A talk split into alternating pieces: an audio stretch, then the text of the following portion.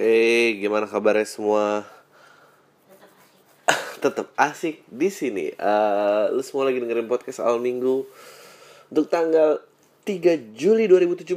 What? Sudah Juli. Sumpah gue tuh dulu berencana 2017 akan menjadi tahun perubahan gue. Gue gak akan lagi jadi diri yang sama. Terus gue terus menunda, menunda. Dan tiba-tiba setengah tahun sudah lewat. Ah, ya udah mulai tahun depan aja. And then tahun depan lo akan ngulangin cerita yang sama. It's just udahlah. Akuin aja bahwa emang ya ini titik maksimal yang akan pernah lo capai di hidup.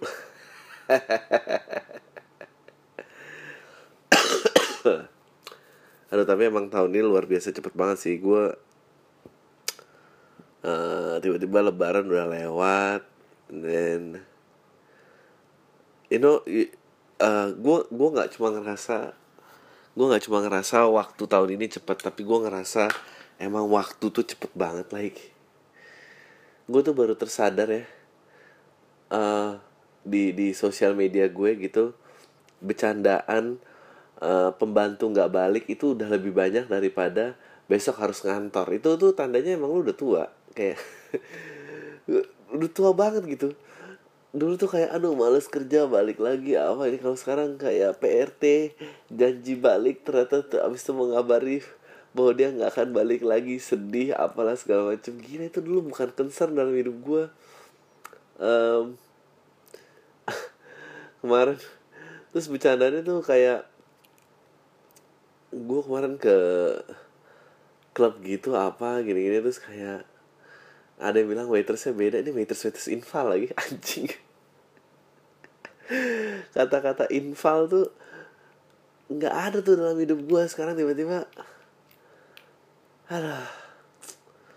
Nah tiga-tiga tiba-tiba kayak gue tuh gue 28 gue mikir gue 25 and then pas gue 30 gue mikir oh gue 28 sekarang kayak ah gue masih 30 kok. Terus gue realize fuck gue udah 33 gitu. Lebih deket ke 35 daripada ke 30 and ya apa podcast dan stand up masih gini-gini aja. Jadi apalah yang dicari gitu.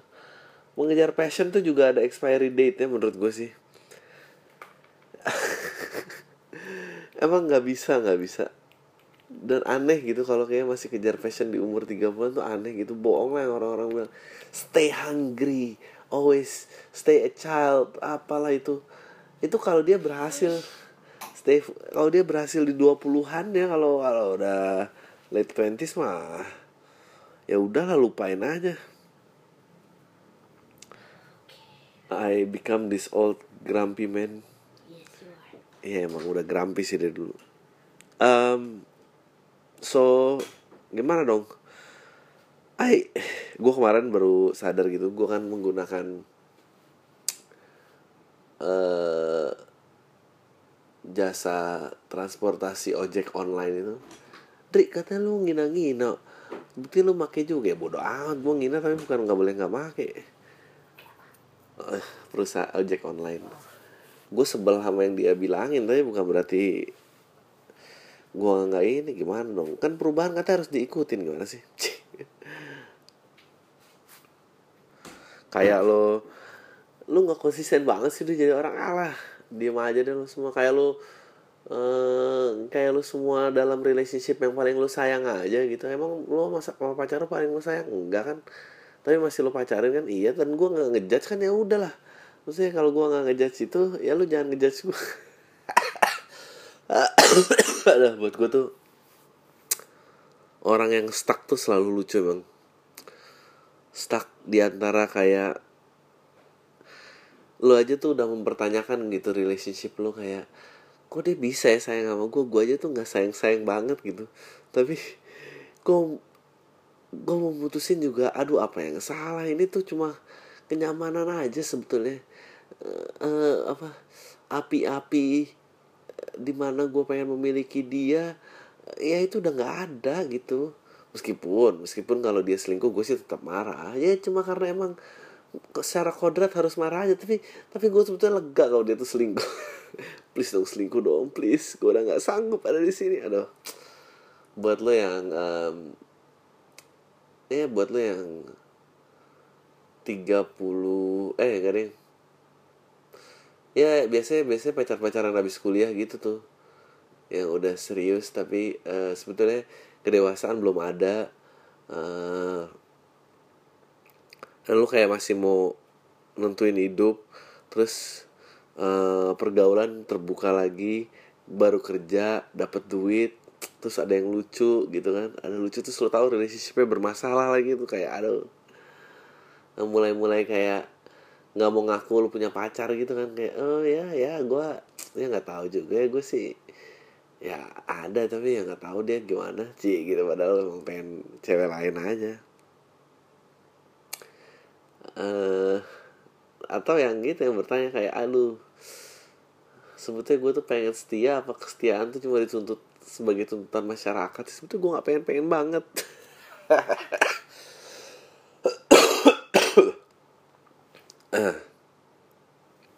gue kemarin ya itu apa ya tadi ngomongin apa ojek online. Terus kan biasa lu ngobrolnya apa chatting dede uh, terus dia cerita gitu kayak gue tuh kadang-kadang pilu emang. Gue tuh sempat bertanya-tanya uh, anjing palak tuh di Jakarta di mana? Udah nggak ada lagi palak-palakan. Dan gue baru sadar uh, ya mereka tuh katanya sering dipalak gitu. Dia makanya pondok betung gitu loh. Di daerah uh, Pondok Aren situ Tangsel. Dia cerita gitu kayak sering ada orang-orang kayak anak-anak kampung situ uh, yang dipaksa untuk ya udah lo berani nggak ngajak ribut tukang ojek aja gitu. Hmm, terus empat orang gitu suruh ngajak ribut. Ya ada nggak ada ngajak ribut aja. Terus nggak ada yang diambil nggak ada yang diapa karena uh, disuruh pada mabok dan kayak dikasih uh, ya ini seratus ribu lu mau nggak nyuruh itu? Terus pada mau gitu kayak anjing. Uh, apa namanya? E ekonomi gap itu tuh gede banget loh kayak, kayak gue tuh bingung lama-lama jangan-jangan tukang ojek online itu udah mulai menjadi uh, bagian dari masyarakat menengah. Karena yang bawah mau ngambil sesuatu dari dia maksudnya entah keamanannya entah apa gitu mungkin nggak dalam bentuk duit tapi pengen menghancurkan apa yang dia punya gitu. Dan cerita lagi uh, orang-orang nasi goreng itu juga gitu dimintain makan gratis gitu gue kayak anjing nih orang-orang ngapain sih di eh dimintain makan dimintain duit. Dimintain duit. Terus uh, bahkan kayak satpam kompleknya juga suka minta duit. Aduh anjing banget terus si tukang ojeknya cerita gitu anjing lucu banget sih menurut gue tapi jangan ditiru ini sadis banget. Dia bilang wah kalau kayak gitu gitu mah jangan dikasih ampun bang. Aku nih datang ke dia kayak datang ke Jakarta si tukang ojek ini kayak tahun kayak tahun berapa gitu ya dia bilang dia SMP-nya di Wijaya gitulah. Pokoknya dulu sering ya dulu anak blok M lah. Uh, terus dia cerita kayak gitu gitu tuh mabok bang tabuk aja jangan dikasih ampun gini gini gini gini gini gini. Atau kalau mau bang kan pada minta duit janganlah kasih duit kata dia gitu ya. Janganlah kasih duit kasih aja nasi goreng masih dia mau gitu kan. Kalau mau abang nih daerahnya dari mana? Nah terus ya pokoknya ternyata kesolidaritasan daerah tuh masih penting gitu kayak dia bilang kalau abang di daerah si makan di daerah mana dagang di daerah mana carilah orang-orang yang uh, daerahnya sama kasihlah nasi goreng aja gratis. Mau pasti terus suruh bantu-bantu jagain mau katanya gitu. Seru diadu aja orang sama orang ya ntar kalau itu ribut aja. Atau kalau abang nggak bisa uh, mempertahankan diri sama sekali ya abang bikinin aja nasi goreng buat dia tuker abang jangan kasih duit ambil aja nasi goreng yang ini. Nah habis itu kasih racun tikus bang. Anjing. Bang satu dia bilang gini kalau abang takut ketahuan dan dia udah berpikir banyak gue suka nih orang-orang kayak gini nih yang kayak mau ngejahatin tapi dia udah tahu antisipasinya kayak apa. Jadi dia kalau racun nah kalau dia habis itu mati ya tapi kan kalau racun tikus nih bang nanti ntar mayatnya dibawa ke dokter ketahuan. Nah kalau gitu jangan jangan racun tikus bang. Itu aja bambu muda abang serut terus digoreng. Nah ntar nyangkut nyangkut bang dia mati nggak ketahuan anjing banget feeling gue kalau dia bisa mungkin dia mungkin dia sebetulnya udah pernah bunuh orang sih jangan-jangan kayak dia tuh tahu gitu. Pakai bambu halus ini ini bangsat gue kayak baru sadar betapa betapa kejam ya gitu persaingan.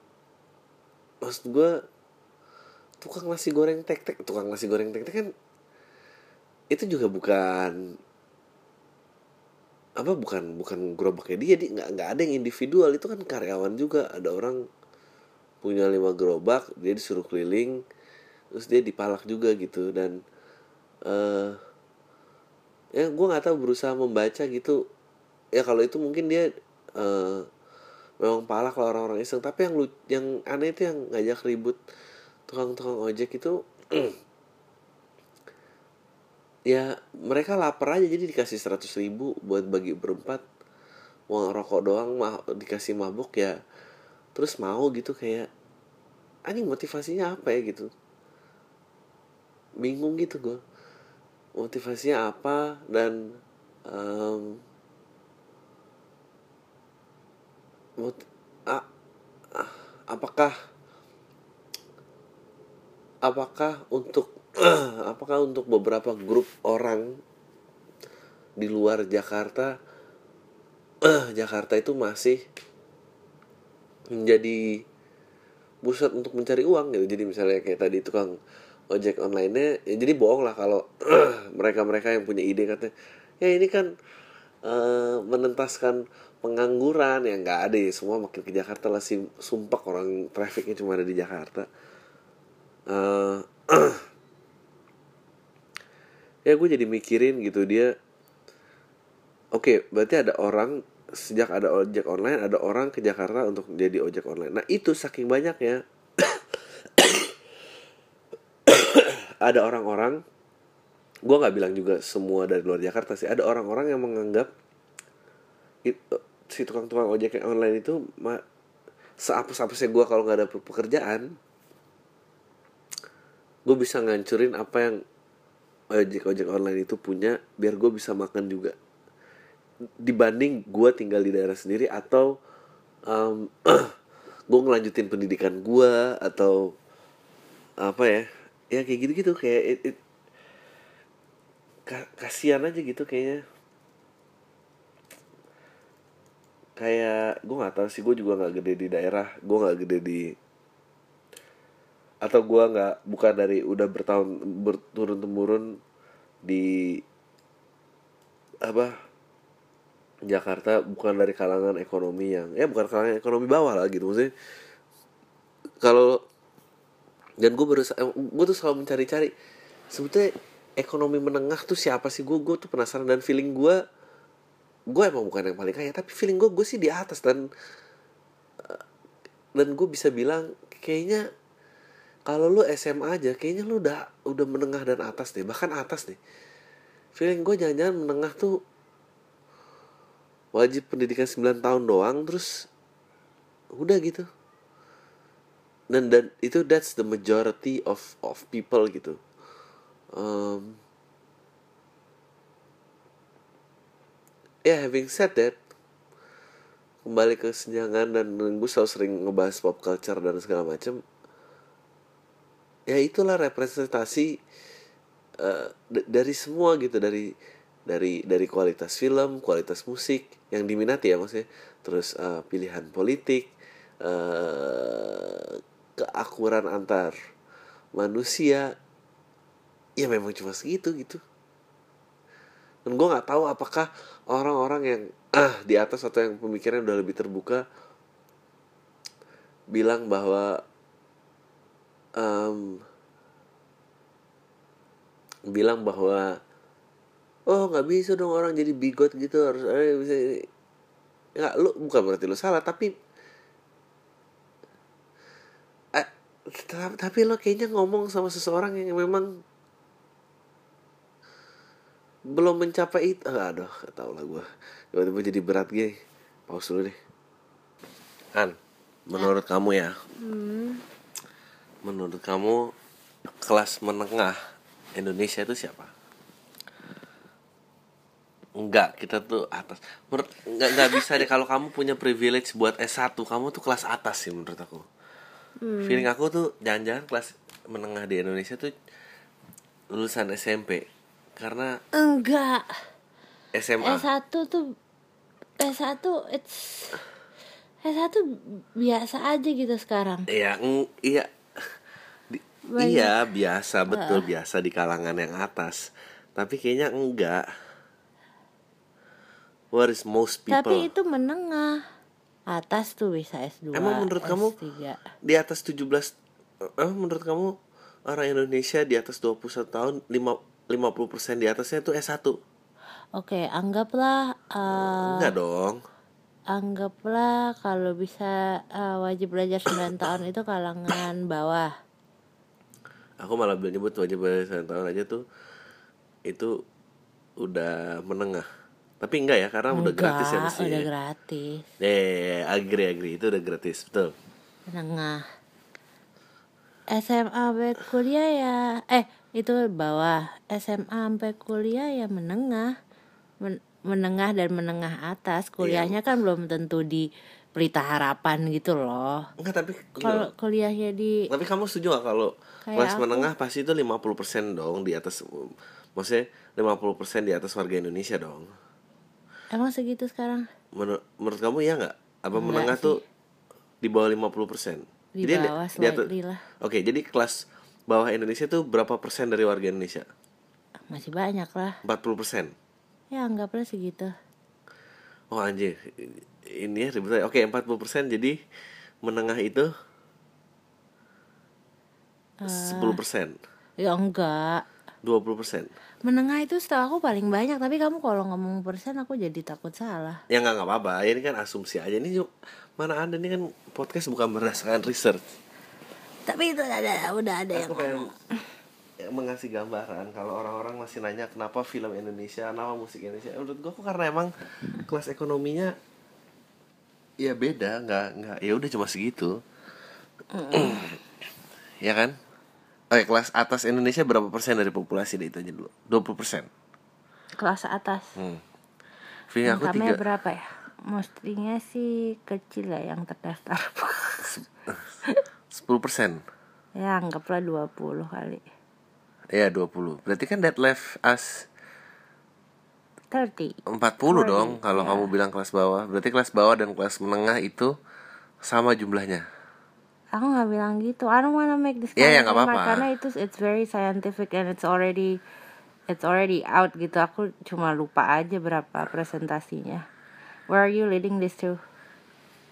Enggak aku lagi mikirin eh Ya gap edukasi Terus eh Popular reference Terus belum lagi em, Hal-hal eh, eh, eh, Apa Nilai-nilai keberadaban kayak toleransi, agama menurut aku itu jangan-jangan nggak semua orang punya akses informasi ke situ karena dihalangi ekonomi.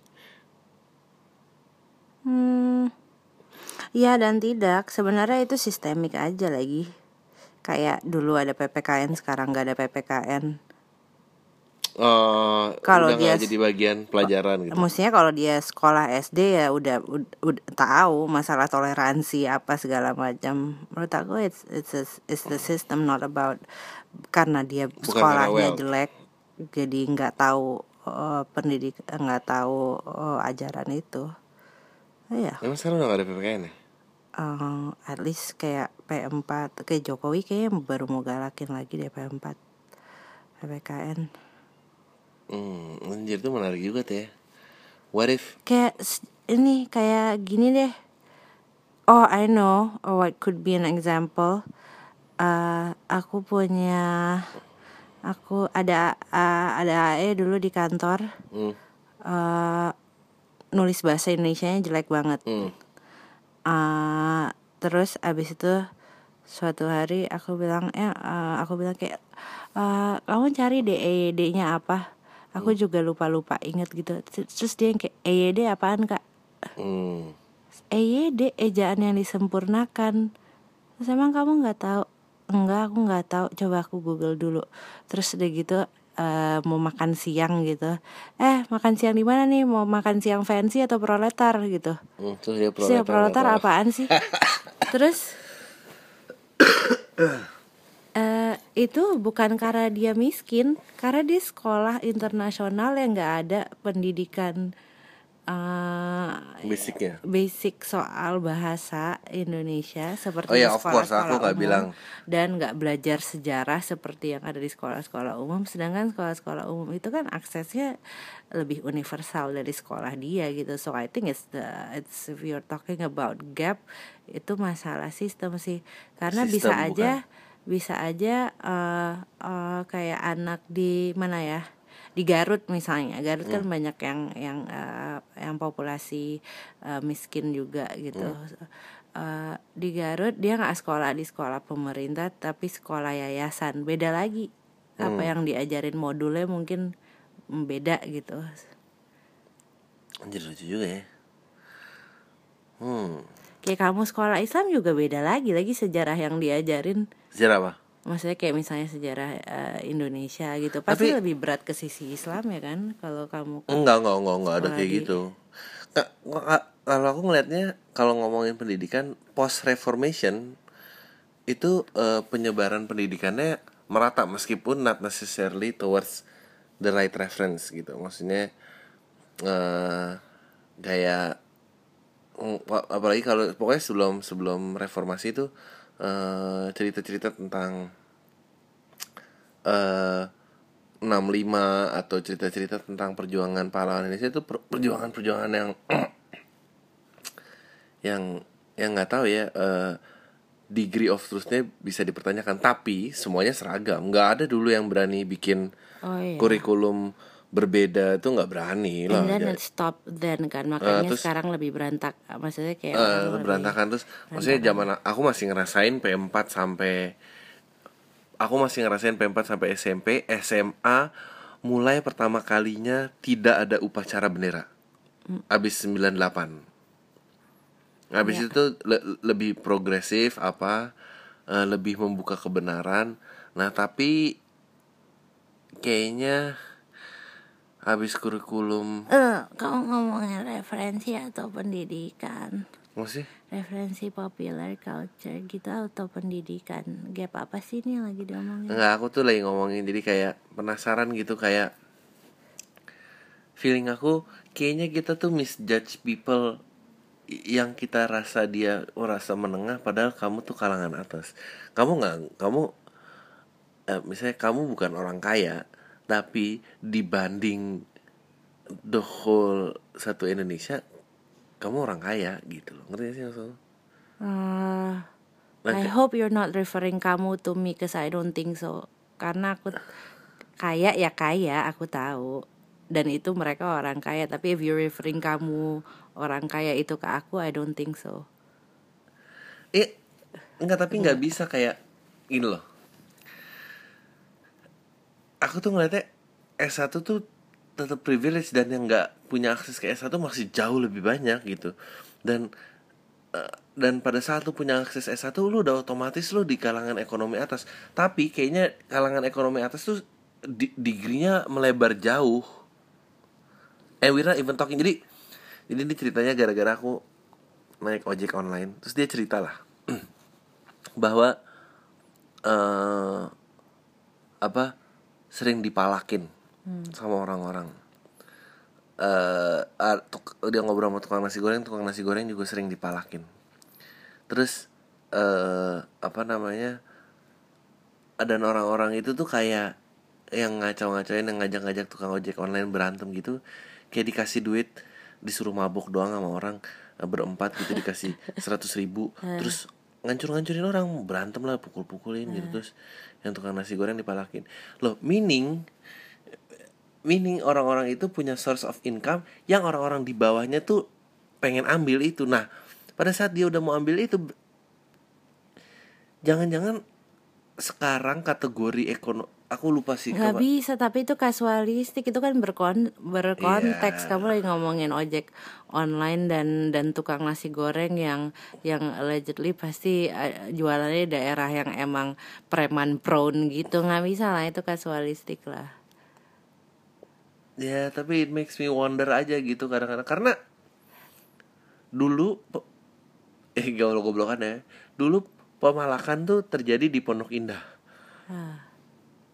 Maksudnya dulu menengah tuh orang-orang di Pondok Indah. Sekarang kayaknya di Pondok Indah tuh orang-orang di atas yang Jadi konsep pemalakannya tuh tetap terjadi di kelas menengah. Sekarang tinggal masalah kelas menengah yang di mana aja gitu sih. Ah enggak sih. Menurut aku masih Aku- textbook eh, kelas menengah kelas atas kayak belum bergeser dari kategori Soalnya eh, ada sebetulnya ada riset juga aku lupa sih. Eh, eh, dulu yang dinyatakan kelas menengah tuh memiliki income dari apa sampai apa gitu. Oke deh, SES kamu kan PR ya. SES A income per bulannya berapa spendingnya? nggak tahu aku bukan aku PR bukan marketing Oke. yang aku tahu ya, s- spending spending kelas A itu tahun 2010 aja itu di atas 5 juta. Tuh kamu kebayang nggak? Iya, Berapa dan yang tapi A tapi berarti? 2010 ke 2017 tuh economically banyak banget yang berubah, inflasi tinggi banget dan itu pasti udah berubah jauh. Ya oke lah berubah jauh 10 juta. Banyak nggak orang menurut kamu yang kelas A berarti kalau gitu? Wah, ya kan Ya exactly my point besar. gitu. Berarti kalau A itu 10 juta, Tapi nggak bisa, itu soalnya eh kok nggak bisa sih? soalnya rumah rumah tangga Iya. bukan Menurut kamu Iya. tukang supir, tukang ojek online sekarang spendingnya mendekati 10 juta nggak? Nyampe lah kalau dia nyicil motor, ada belanja bulanan anaknya sekolah, ya sampai 10 juta. ya, tapi kan itu itu kan sesuatu yang konservatif nggak ngitungin cicilan atau apa atau apa. ya makanya kan bingung kan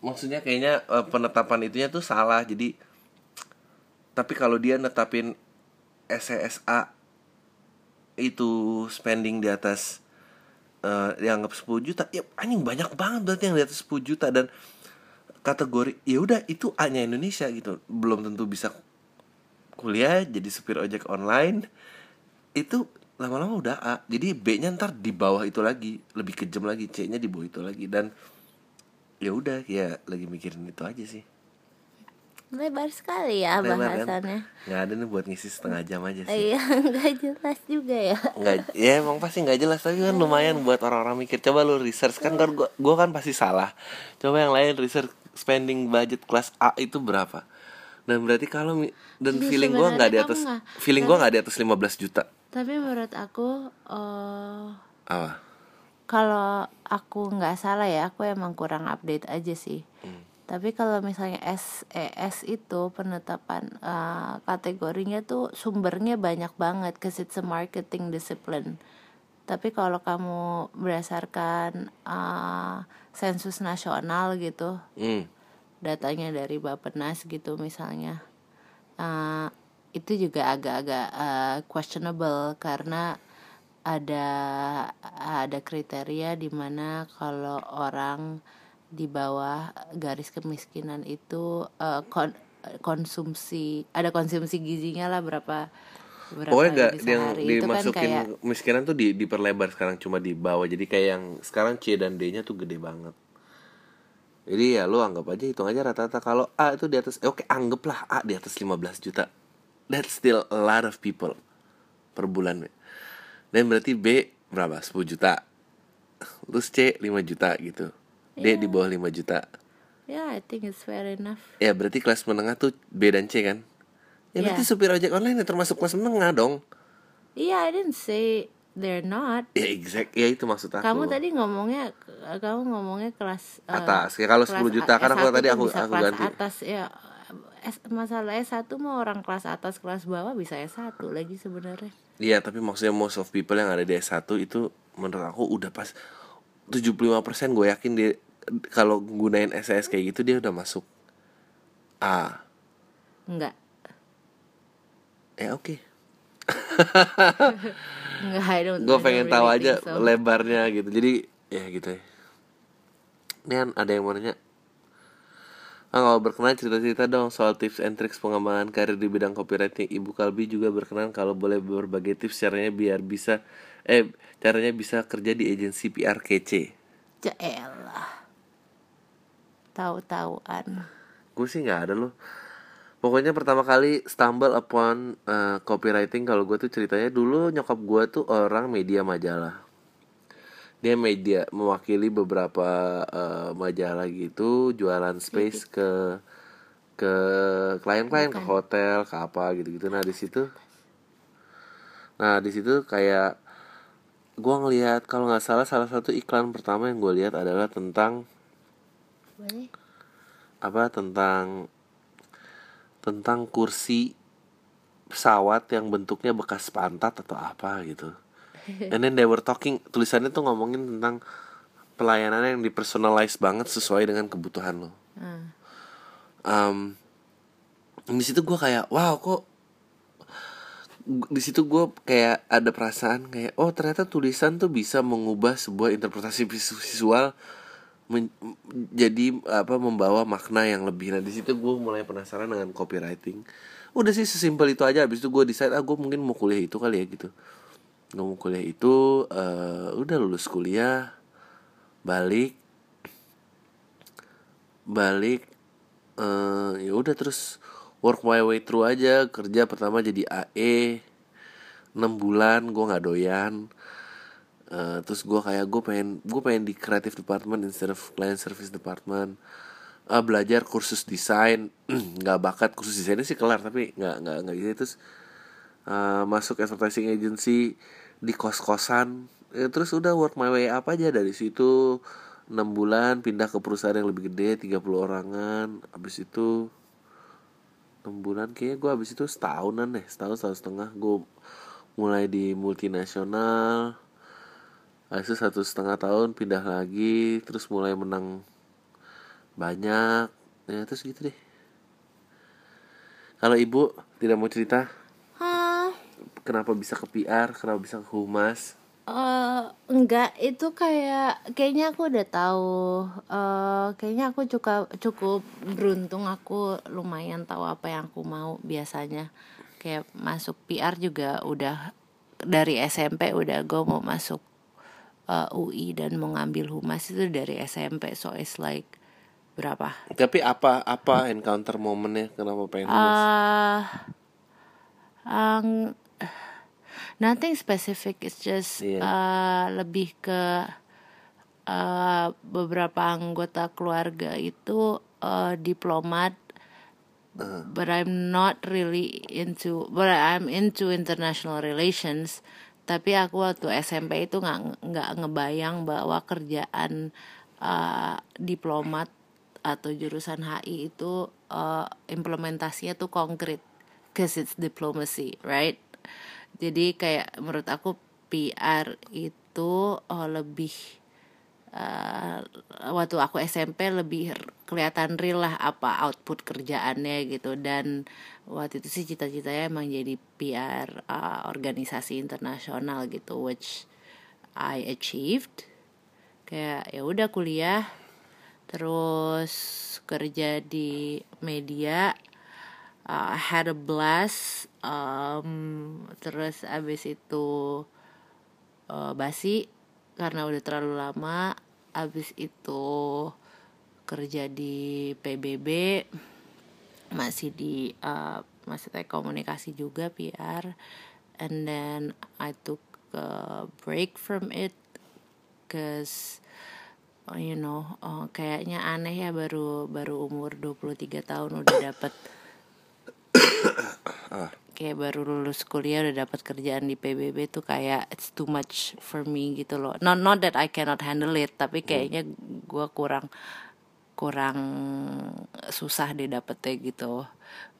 Em, nggak bukan bermaksud eh, sombong tapi lo nggak nger- ngerti gak sih kayak mestinya tuh I work my way up bukan kayak dapat terus lo bingung mau apa sedangkan lo udah menguasai eh, ranahnya gitu. And then I took a break got a fellowship oh ke Amerika balik hmm, balik ma- udah ya balik masih tahu mau ngapain lah kira-kira masih pengen uh, melakukan apa ya uh, masih pengen melakukan apa yang gue belajar di kuliah gitu. Jadi masih melakukan komunikasi uh, non profit ya udah sampai sekarang deh. So yeah I'm lucky enough I don't get to do brand or corporate stuff. Jadi kayak di PR agency juga masih melakukan uh, project-project non profit ya gitu yeah it's not interesting interesting ya oh, yeah. segitu Bang, kenapa orang Indonesia atau mungkin Asia nggak punya dendam ke orang kulit putih yang ratusan tahun memeras kita? Sedangkan African American aja kayaknya dendam banget sama white people yang memperbudak mereka padahal cuma 250 tahun. Kita dijajah Belanda 350 tahun loh. Jawab di publik. Eh, gue gue setuju loh pertanyaan ini. interesting gue setuju Gue setuju. Gue nggak ngerti kayak gue juga banyak eh, suka eh, dengan budaya Jepang ya. Tapi kalau ingat sejarah Jepang sih mestinya sih kita benci banget sih sama mereka. iya itu tiga setengah yang- tahunnya tuh gila banget sih tapi mungkin iya nggak ngerti ini ini Ta- aneh loh tapi- psikologinya tapi memang berbeda konteks jadi kayak gini Eh kalau African American itu dibawa paksa dari tanah lahirnya Kalau kita dibawa colonialize. eh, dibawa eh, eh, untuk menjadi budak di negara lain diperjualbelikan sebagai budak nggak punya hak sebagai kemanusiaan ya kalau kita dulu di colonize plus gue yakin eh 350 tahun perangan itu terjadi mungkin cuma 150 tahun terakhir 250 200 tahun pertama kayaknya eh gue nggak bilang fair trade tapi mereka bisa masuk itu karena dikasih juga dengan pejabat-pejabat setempat atau eh, eh, eh, yang akhirnya ya mungkin ada kesalahpahaman entah korup entah mestinya nggak boleh dikasih masuk tapi ya gitulah. Jadi eh, mungkin yang salah orang kita juga kita nggak tahu gue kayak nggak soalnya men- menarik kayak kalau lu ngom kayak misalnya ini eh Thailand tuh adalah contoh kasus yang menarik karena buktinya dia bisa nggak dijajah gitu. Itu berarti ada diplomasi yang benar yang menjadikan negara itu akhirnya nggak dijajah. Hmm. dia bisa mendirikan waktu itu kan karena ber- berebut eh, Belanda, Portugis, Spanyol dan Inggris. Wilayah Asia udah udah daripada lu bentar berempat berebut gue di sini jadi wilayah netral aja. Nah itu kan ada eh, pendekatan diplomasi yang akhirnya mereka terlewat dari penjajahan. Nah gue nggak tahu eh, Indonesia eh dan belum bisa disebut Indonesia pada saat itu ya karena masih kerajaan-kerajaan juga itu gimana sih? Tapi gue setuju sama lo. Kayak mungkin Belanda nggak tapi ke Jepang definitely mesti kita sih dendam sih. Ya gitu deh. Ini tinggal Eh, by the way, eh apa namanya? Gue baru nonton eh, ngikutin Netflix series eh, yang Dear White People itu lucu deh buat yang nanya soal Iya. eh, tadi. Bang jangan sebut nama gue Bang Ardi gue mau tanya tentang soal investasi Lu pernah coba main saham gak? Gue gak pernah main saham Gue main eh, dana reksa Itu gue pernah Kalau pernah gimana sih bang Menurut lo investasi sana Eh, Gue gak ngerti saham Menurut lo zaman sekarang investasi apa yang bagus dimulai sejak dini sama generasi muda sekarang Reksadana Main reksadana, main emas Itu karena lu masih ada lembaga keuangan lain yang mengatur lu investasinya di mana eh eh jadi lu nggak langsung karena gue juga nggak kuat ngeliatin eh, fluktuasinya atas bawah gitu gimana. Biar kolam tai lu nggak cuma nanyain cewek dan ngewe tapi mikirin gimana nafkahin tuh cewek kelak. Makasih bang. Salam merak ya ini ada yang mau nggak nih Ci? Yang ini udah nanyain investasi nih. Bang gimana caranya supaya explore di Instagram keluar nggak post-post kebencian gitu? Thanks bang. Kayaknya itu by cookies deh. Jadi kalau lu pernah ngeklik di mana em, Facebook atau apa Itu semua kepopulate di Internet Explorer lo. Lu delete aja cookies lo semua. Lu restart eh, device lo. Mestinya dia ngepopulate itu dari awal lagi sih. Eh, aku pengen tahu deh Ah, jalan pikiran orang-orang yang niat buang 5 menit waktunya untuk email kamu nanya pertanyaan kayak tadi. kenapa jangan gimana cara ngilangin feed-feed yang penuh kebencian di oh, Instagram tahu sih. Mungkin dia nggak tega aja ya? karena karena kemarin aku bilang nih sepi banget yang email oh ya ya boleh juga sih. Kalau alasannya itu aku bisa accept tapi kalau misalnya alasannya bukan itu it's like it's weird ya nggak apa-apa untuk eh untuk banyak orang aku tuh lumayan pinter loh Han. mungkin nggak di mata kamu tapi orang-orang tuh pengen tarik tahu jawaban gak deh oh, it's weird Gini bang, gue pergi merantau keluar Pulau Jawa diajak sahabat gue. Dua sahabat gue ada dua di kota itu. Setelah gue kerja di tempat ini, gue malah dijauhin sama sahabat gue. Gue jadi dianggap, gue jadi kayak nggak dianggap. Gue jadi nggak ada teman. Untungnya gue gampang berbaur sama anak komunitas stand up di sini. Jadi gue cuma punya teman di komunitas saja. Gue tinggal di sebuah mes yang ternyata orang-orangnya satu kota sama gue. Tapi orang kabupaten. Nah, Nah mereka juga nggak terlalu suka sama gue karena cara hidup gue yang ke kota-kotaan dan cenderung suka beli makanan sendiri. Sedangkan mereka punya prinsip kalau makan harus makan semua, kalau lapar harus lapar semua. Kalau nggak ikut aturan nanti dipandang individualistis. Gue individualis dan bodoh amat kalau gue kalau lapar mau beli makan sendiri aja orang gue ada duit. Orang di sini kalau diajak ngobrol tentang kesetiakawanan mereka selalu bilang lebih baik aku nggak makan daripada temen nggak makan. Anjir kalau gue mah mending lu semua mati daripada gue gue udah nggak betah sekarang tapi setiap kali gue mikir kayaknya gue mending resign tapi gue selalu ingat omongan bos gue di sini yang katanya gue bakal naik jabatan tahun depan dan bakal dimutasi ke kota lain menurut lo gue mah harus gimana bang? Resign atau lanjut aja by the way umur gue 19 eh hey. ya lu menurutnya perfectly understandable lah. Lu 19 tahun suruh mikir orang lain malas banget. Tapi hebat nih. Em, orangnya real nih umur 19 Iya. tahun udah dihadapin masalah kayak gini. Ya bodoh amat dengan lu semua mati gue juga gitu. lucu banget. Gue juga gitu. Gue sering kok kayak mikirin kayak gue sering tuh kalau kayak di gedung gitu terus gue mikir kan nih kalau kebakaran orang mana yang rela gue dorong duluan biar gue lebih depan buat kabur. Ya it's it's perfectly fine. Um, menurut gue kalau lo stand up ya lo ngomongin ini aja jadi keresahan lo gitu dan betapa nggak make sense ini dan segala macem. Eh, dan ntar lihat tahun depan gue sih nggak nyaranin apa resign sebelum dapat kerjaan baru ya tapi em, tapi lu 19 tahun juga gue rasa enggak ini kan juga bukan masalah kerjaan ya masalah kehidupan dia di mes which is definitely different ya aku nggak tahu dia tuh maksudnya uang tuh penting gak buat dia dia menafkahi keluarganya apa enggak kalau dia resign sebelum dapat kerjaan tuh malah mempertambah sulit hidupnya nggak ya kayak gitu gitu Oh, loh iya. kalau emang duit penting buat lo lo ngenafkahin keluarga lo menurut gue sih ya lo tahan tahanin aja Uh-uh. tapi kalau lo Iya. tinggal sendirian cuma buat perut lo sendiri lo masih 19 tahun gue juga gue tuh nganggur. Dari lulus ke pekerjaan pertama gue eh empat bulan nganggur. Pekerjaan ke pertama ke kedua 10 bulan nganggur. Abis itu di umur 28 gue sempet nganggur lagi. So it's 10 bulan tuh lama banget ya? Ah, ah, enggak tapi aku kursus apa gitu tapi Oh, nggak punya iya, iya. kerjaan. Ya tapi gitulah maksudnya you're young. Tolong sebut nama namanya palsu. Bang gue punya teori kenapa podcast lu nggak terkenal. Kayaknya saking kerennya podcast ini orang yang denger sampai nggak mau nyebarin podcast ini biar yang tahu cuma dia doang. Jadi nggak terkenal kenal oke gitu aja bang. Eh gue udah sering sih denger ini. Boya yang original gitu. Ya gue gue encourage ya buat bikin joke. Enggak deh.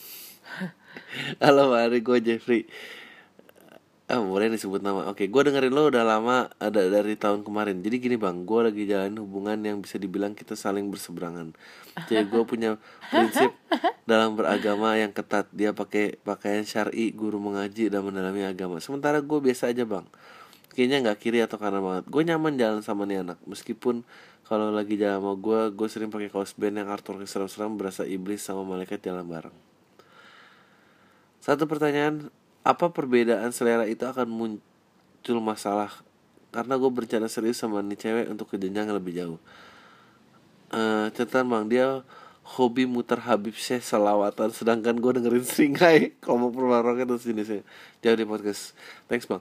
Eh, kalau lo mau lebih serius, sebetu- sebetulnya bukan masalah selera ya, masalahnya lo mau bangun keluarga kayak apa nanti itu yang jadi masalahnya sih menurut gue 23 tahun eh 23 tahun kalau dia mau kawinin terus punya anak gimana?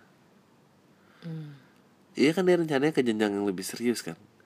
Kalau sekarang sih santai-santai aja tapi kayak kalau buat gue sih penting banget. Gue bukan masalah selera tapi masalah ada kesamaan visi nggak dalam dalam kalau lu ngincernya berkeluarga kan? Eh, yang kalau visinya besar banget ya lu harus diskusiin lagi gitu karena dan itu yang dihadapin gitu.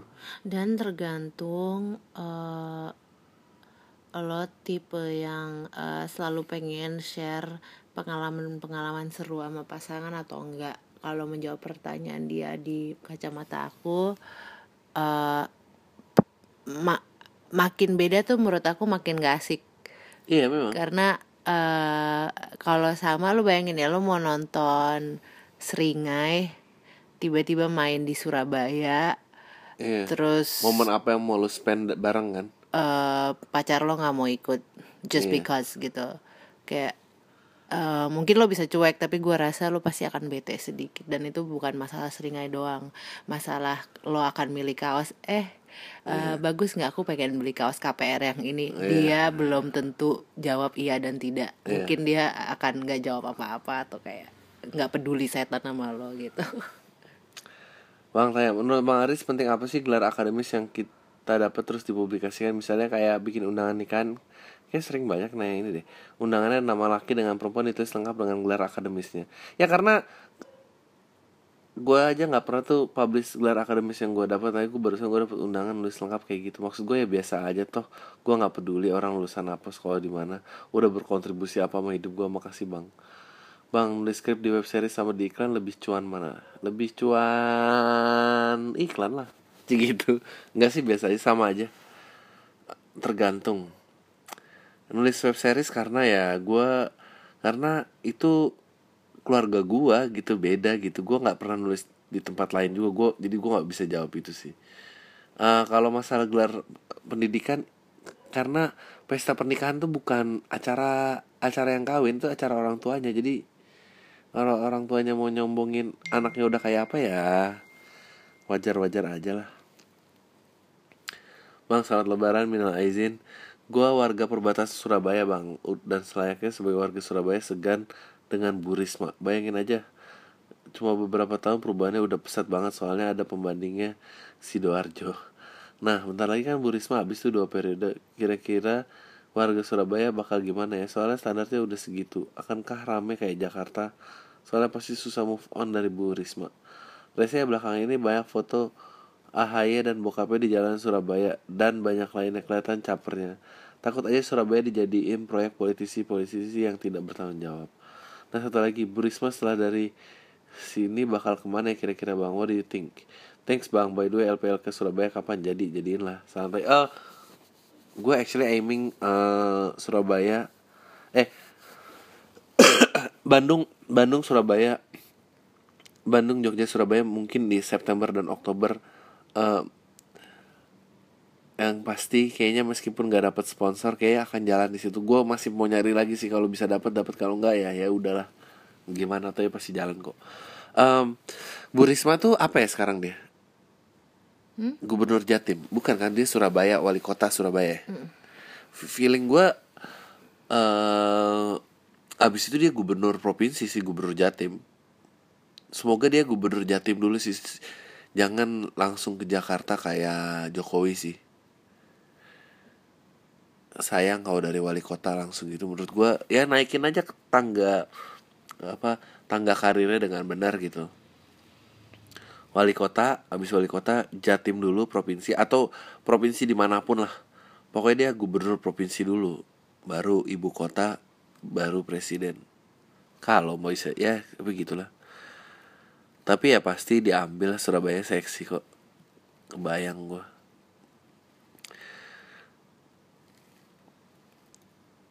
Halo bang, gue cowok umur 23 tahun Gue cuma pengen tahu point of view dari seorang lo Gue pernah ngejalanin hubungan sama seorang cewek yang complicated banget dah. Dan gue kayak bener-bener dia, dia- Dan ngerasa dia bener-bener cewek yang selama ini gue cari. Dan gue pengen dia jadi istri gue kelak cie. Gue udah mikir gini dari SMA bahkan ya Nora.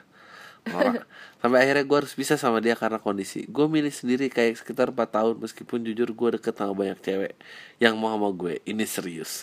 Gak ada fotonya lagi. Ada dalam kurung ini serius.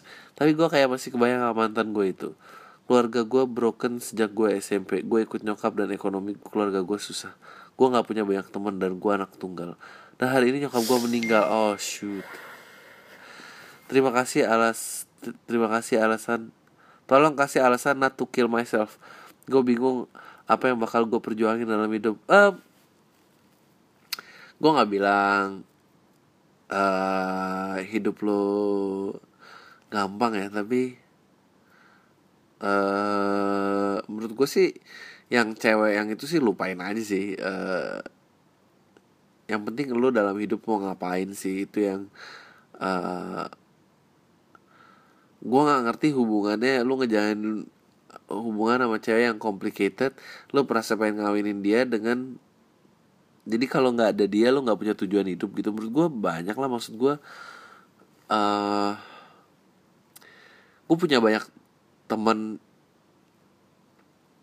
uh, yang tidak berorang tua dan nggak apa ya mereka ya udah akhirnya memutuskan untuk membuat dunia ini tempat bermain mereka aja gitu tanpa tanpa ada orang yang harus dimintai izin atau lo lo lapor lo harus ngapain dalam hidup lo gitu uh, dan itu uh, buat mereka think of lihat sebagai um, ini adalah kesempatan untuk menjadi diri lo yang sebenar-benarnya lebih cepat tanpa approval orang lain. Terus kalau lo udah cukup kuat, lo bisa coba cari bokap lo uh, kayak apa bokap lo kan masih ada.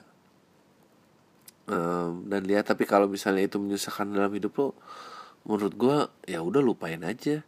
Ya udah main aja main berkelana, pindah, nabung, um, kerja di luar daerah, kerja ke luar negeri. Uh, banyak kok gitu. Um, gue sih gue kan bilang apa ya not to kill yourself itu bukan opsi tapi pokoknya lo harus tanya ke diri lo lo masih mau coba main ini apa enggak? Kalau lo masih mau main ayo main main dengan hidup gitu. Tapi kalau ya udah kill yourself tuh udah ya udah habis gitu. Tapi kalau udah siap habis ya gue mau ngomong apa sih? Ya itu aja sih yang bisa gue omongin.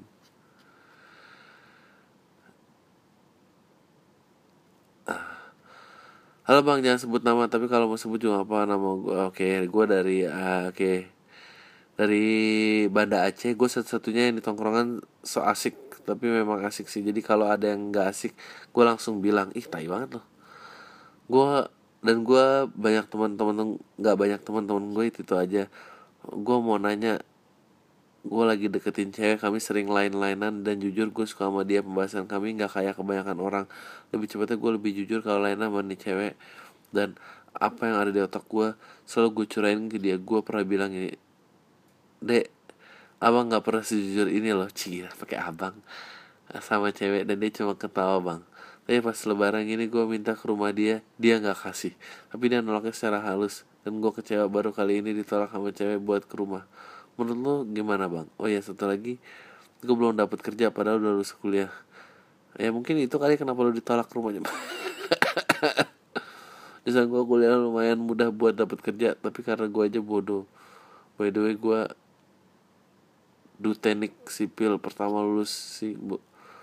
Nggak beban lihat kawan kerja tapi makin sih makin panik karena cuma gue yang nggak dapat kerja. Ada saran nggak sih bang? Makasih lo bang. Selamat lebaran mudah-mudahan emailnya dibacain. Um, kerja ayah ah, udah apa aja kalau nggak dapet yang lo mau ya lo kerja. Ya gitu aja sih menurut gue. Ntar juga pindah ke tempat lain dan apa gitu. Maksudnya lo nggak perlu mikirin oh kalau gue ngambil kerjaan ini apakah saya seumur hidup akan di sini dan saya nggak bisa ke mana-mana? Nggak kayak gitu yang penting nggak nganggur. Uh, kalau kecewa ini ya karena lu suka aja mah tuh cewek banget gitu jadi kalau dia nolak ya ya udah gimana dong? Ya gitulah. Nah, oke masih banyak ya emailnya Nah, nah, nah, bang, cuma nama-namain pertanyaan email lu doang sih. Gue penasaran bang Adri pribadi punya harapan bisa wawancara siapa untuk podcast dengan tamu orang yang diwawancara tapi lu nggak kenal atau nggak punya koneksi ke orangnya. Tapi kalau artis mainstream TV kayak Raffi Ahmad, Sasya Gotik, Nasar DKK apa tertarik juga untuk diwawancara? Kalau iya, kira-kira siapa yang mau diwawancara? Itu aja bang, cuma pertanyaan iseng. Uh, wawancara sebetulnya banyak sih. Kalau orang mainstream siapa ya? Gue pengen wawancara Ahmad Dhani gue pengen banget. Semoga gue bisa dapetin bukan Ahmad Dhani yang di media sekarang. Um, Raffi Ahmad gue juga pengen tapi gue ragu Raffi Ahmad mau uh, ngasih lihat uh, ngasih lihat yang nggak ada di TV Syahrini gue pengen tapi gue ragu ini mau ngasih lihat sesuatu yang gak ada di TV um, ya itu dia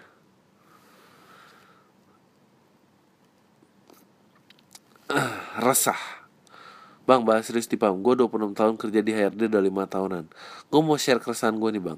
Selama gue kerja di dua perusahaan berbeda, HRD itu selalu jadi tumpuan penyelesaian setiap persoalan karyawan. Terkesan HRD itu polisi di perusahaan yang tugasnya ngawasin pelanggaran karyawan dan menertibkannya. HRD juga sering dianggap Santa Claus yang bisa ngasih anugerah berupa kenaikan gaji. Sebaiknya kalau nggak naik gaji, berarti bisa dosa HRD. Nah, akhirnya sasaran umpatan atau lebih parah musuh bersama uh, kalau ada kewajiban perusahaan merugikan karyawan. Menurut lo bang, ini gue salah tempat kerja atau emang di mana mana risikonya gitu jadi HRD? Ya di mana mana begitu jadi HRD, gembel. Gimana sih? ya emang gitu ya. Jadi jangan menyesal.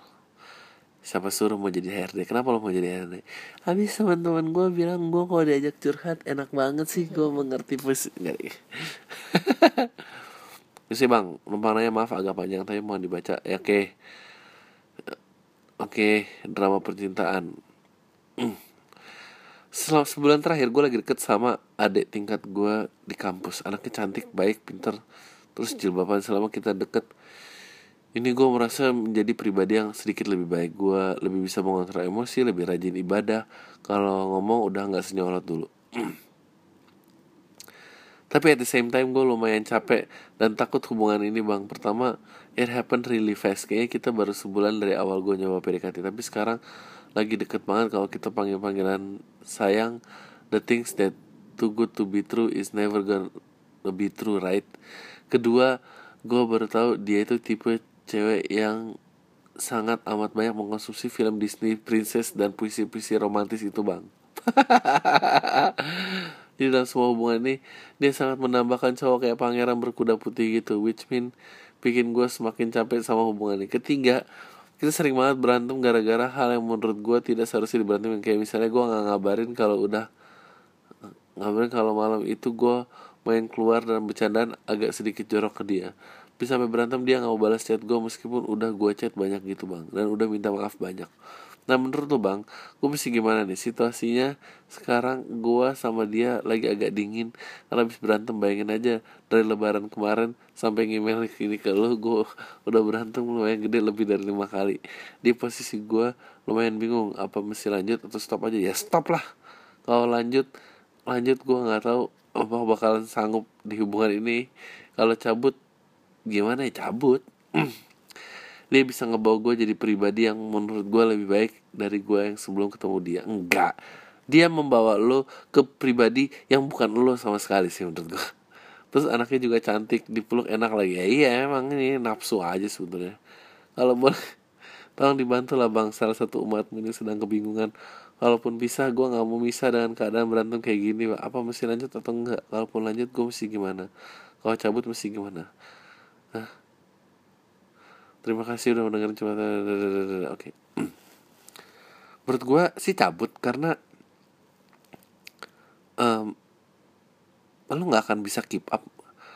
Kalau lo mau stay Lo harus bisa keep up Lo harus memenuhi persyaratan yang dia minta. Ya dia gak salah Karena emang Ya emang gitu gak sih maksudnya? Ya dia mau laporan ya Lo mau lo mau hubungan tapi lo gak mau laporan tuh gimana sih ceritanya ya dia maunya laporan terus gimana dong? Terus dia pengen mencari kuda putih itu ya lo bisa nggak? Nggak bisa ya udah terus gimana dong? Gini deh lu lapor aja dulu. Kalau lapor aja nggak bisa ya nggak usah jadi si pangeran berkuda putih. Oke. okay. Pak Ari dan isi, gak usah sebut nama gue. Gue udah lama dengan podcast lo. Semenjak itu gue ngerasa punya temen ngobrol. Gue udah lama lumayan gak berhubungan baik sama sahabat gue yang suka gue ajak tukar pikiran. Sebenarnya hubungan kita gak kenapa-napa Tapi udah gak sedekat lagi Oke. Emang karena kebodohan gue aja sih. Gue cemburu sama temennya Yang dia baru deket dan sekarang Jadi tempat tukar pikiran dia juga. By the way temen gue itu cewek gue cewek dan teman baru itu dia cowok. Gue purely jealous karena dia sahabat gue waktu SMP dan sekarang berubah karena kebodohan gue cemburu lah. Gue bilangnya ke dia kalau gue cemburu karena gue ngerasa cowok itu lebih ba lebih bisa diajak ngobrol dibanding gue. Dia pintar dan amazing lebih seru dan interesting dibanding gue. Dan sekarang gue cemburu dan gue ngerasa sahabat gue ini jaga jarak gue. Gue udah minta maaf dan dia juga udah biasa aja tapi kita tetap makin jauh aja dan gue udah coba sebisa itu tapi tetap karena nilai setitik rusak susu sebelah uh, ada juga yang mungkin alasan gue gini pergi karena gue sering banget ngomongin tentang gebetan gue yang kurang ajar sama gue tapi anehnya gue tetap sayang dan selalu curhat ini ke sahabat gue ya mungkin. Gue lebih nyangka ini. Nah, mungkin gue dia udah muak sampai akhirnya dia bilang gue bego dan gak punya self respect dan gue tahu itu salah gue. Dan gue mau berubah. Gue sadar gue bego. Sebenarnya gue udah ngerasa lama gue hidup di dunia ini kurang banget bersyukur. Gue ngerasa gue nggak mau kehidupan gue yang sekarang dan akhirnya gue pengen pergi dari Indonesia dan pengen S2 ke Australia karena gue ngerasa kalau satu-satunya temen yang bisa bikin jadi gue dari sendiri udah nggak di sini. Menurut lo gimana bang? Salam. Uh, ya menurut gue lo udah bener pikirannya. Lo tinggal ngubah um, lo tinggal nggak tahu ya. Sebetulnya bukan demi temen lo sih sebetulnya demi diri lo sendiri sih. Ngapain kalau udah ada gebetan yang udah nggak respect diri lo terus lo bela-belain gitu lo curhatin. Orang sih malas gue paling gue juga gak kuat tuh kayak gitu. Ya orang curhat tentang yang anjing lu udah tahu bermasalah masih ini ini lagi ini, ini lagi. Capek lah gitu. Itu sih terus kalau mau S2 sih menurut gue ya cari aja yang emang lo mau gitu yang bukan masalah ke Australia atau kabur nggak ada temen yang bisa membiarkan diri lo sendiri jadi diri lo sendiri. Aduh itu sih lebay menurut gue. Lah Bang Andri gue mau nanya menurut lo pasangan Angga Sesongko dan Anggia Karisma itu pasangan yang gimana ya sebagai partner kerja dan suami istri Bang gimana rasanya bagian jadi dari visi Nema Filkop 2 bakal ada lo yang gak bang jadi cameo gitu. Udah gitu aja. Hmm Ada gak ya? Kalau gak keedit mestinya sih ada. Angga sama Anggia Kalau gue sih Yang jelas hmm, Tidak akan mengambil jalur itu Untuk menjadikan suami istri sebagai partner kerja karena gue suka di dunia masing-masing aja. Um, kalau mereka kayaknya lebih sanggup gue sih nggak ini. Mungkin mereka pasangan duet yang lebih sahih kali daripada gue bang kapan episode Talk Drive bareng Aryo lanjut lagi? Kalau ada sponsor.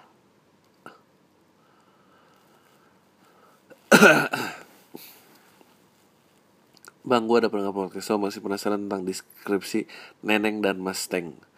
Mas bro, oh iya gue pengen cerita nih.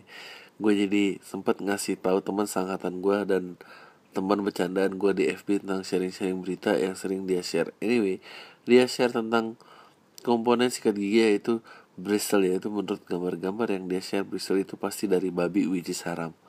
Terus gue bilang kalau arti bristle nggak cuma bulu yang dari babi juga intinya dia bilang kalau dia share itu supaya waspada aja terus gue bilang ke ya lo nggak bisa lah share semena-mena tentang hal yang kebenaran itu lo nggak bisa jamin.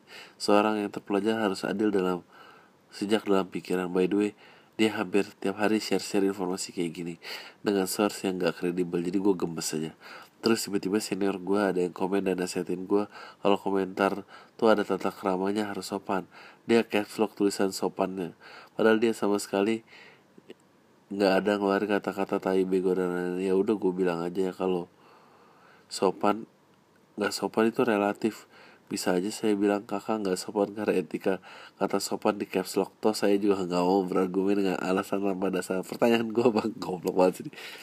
Emang apa sih batasan tentang sopan gak sopan? Sehingga orang bisa bilang lo sopan dan lo gak sopan. Ya gak ada. Ya lo udah bener tuh emang. Anjing aneh banget sih. Senior lo ikut itu aduh ganti teman aja men. Ganti teman semua deh gue pernah jamin waktu senior tuh nggak tahan liat denger podcast lo sih kasihan padahal hal yang bisa dijadiin bahan perenungan dari podcast lo ya orang ini ya sih ngerasa paling bener aja dia ngerasa paling kece. Gini bang. Sehingga cerita 4 tahun lalu gue lulus SMA dan mulai kuliah.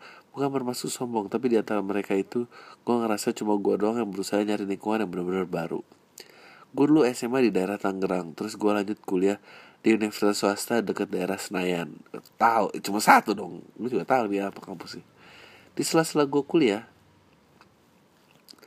ada waktu temen gue main sama temen SMA gue tapi di saat gue main kok gue malah ngerasa disingkirin gitu bang. Salah satu temen gue yang ngomong gini ke gue ah dia mah sekarang udah beda mainnya ke mall terus gak kayak kita gitu loh. Anjing 2017 masih kayak gitu ya lo masih inget gak jalan di sini? Oh kira udah lupa. Najis.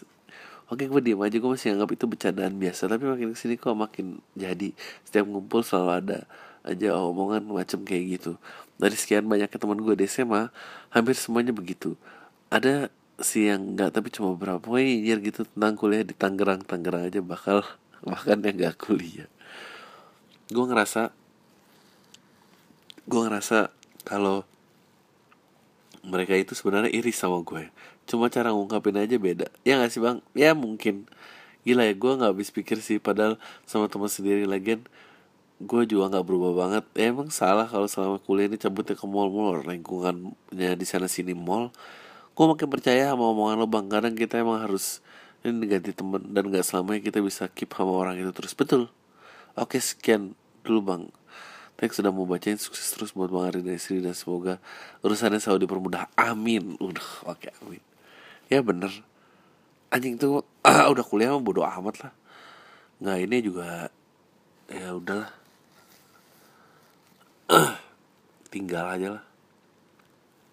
Halo Bari, gue lu pernah ngewe, ngewe lo tentang cowok yang mau pegang tangan tanpa izin dulu by chat entah lo masih ingat apa enggak jadi si cowok itu ngajak gue nikah dan dia ngotot bang. Dia malah promosi diri ke gue like aku kan udah lulus S2 udah kerja usaha juga ada apalagi yang dicari?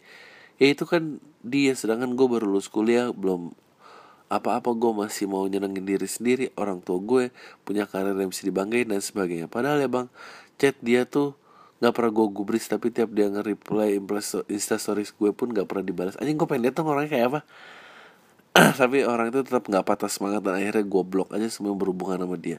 Tiba-tiba dia message gue bilang kalau gue jahat dan ujungnya nyumpain gue gitu bang. Dia bilang terkutuk cinta lo selamanya. Sedap anjing aneh banget sih ini orang. Ini teman ini apa sih? Tapi jujur gue agak worry sih maksudnya dia bilang mending lo cuma gue sumpahin hati-hati lo. Eh urusan lo apa? 2017 bang masih aja ada yang ternyata cinta ditolak langsung sumpah serapah menurut lo orang kayak gitu bisa beneran nekat atau enggak enggak atau dia cuma nakut nakutin doang? Ya asal nggak lo tambah tambahin aja sih menurut gue sih dia nakut nakutin lo doang.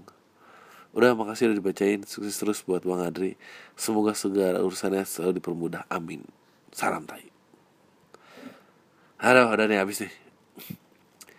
Salam tai juga bang. Gue mau cerita setelah banyak teman-teman gue Coba gue racunin pam tapi cuma satu yang minat Terus gue juga ngasih tau podcast lu ke cewek gue dan akhirnya dia suka banget bang. Sampai dia update banget kalau denger pam. Gue seneng banget dia jadi kolam tai by the way hari ini dia utah. Oh selamat ulang tahun ya. Ah segitu aja bang cerita semoga podcastnya makin gede dan makin banyak pendengar Makasih bang. Selamat ulang tahun. Uh, bagi pacarnya semoga kalian langgang. Um, kalau emang jadi kawin gue kirimin voice note selamat menikah ntar bisa diputar di kawinannya gimana udah itu aja tayo lu semua deh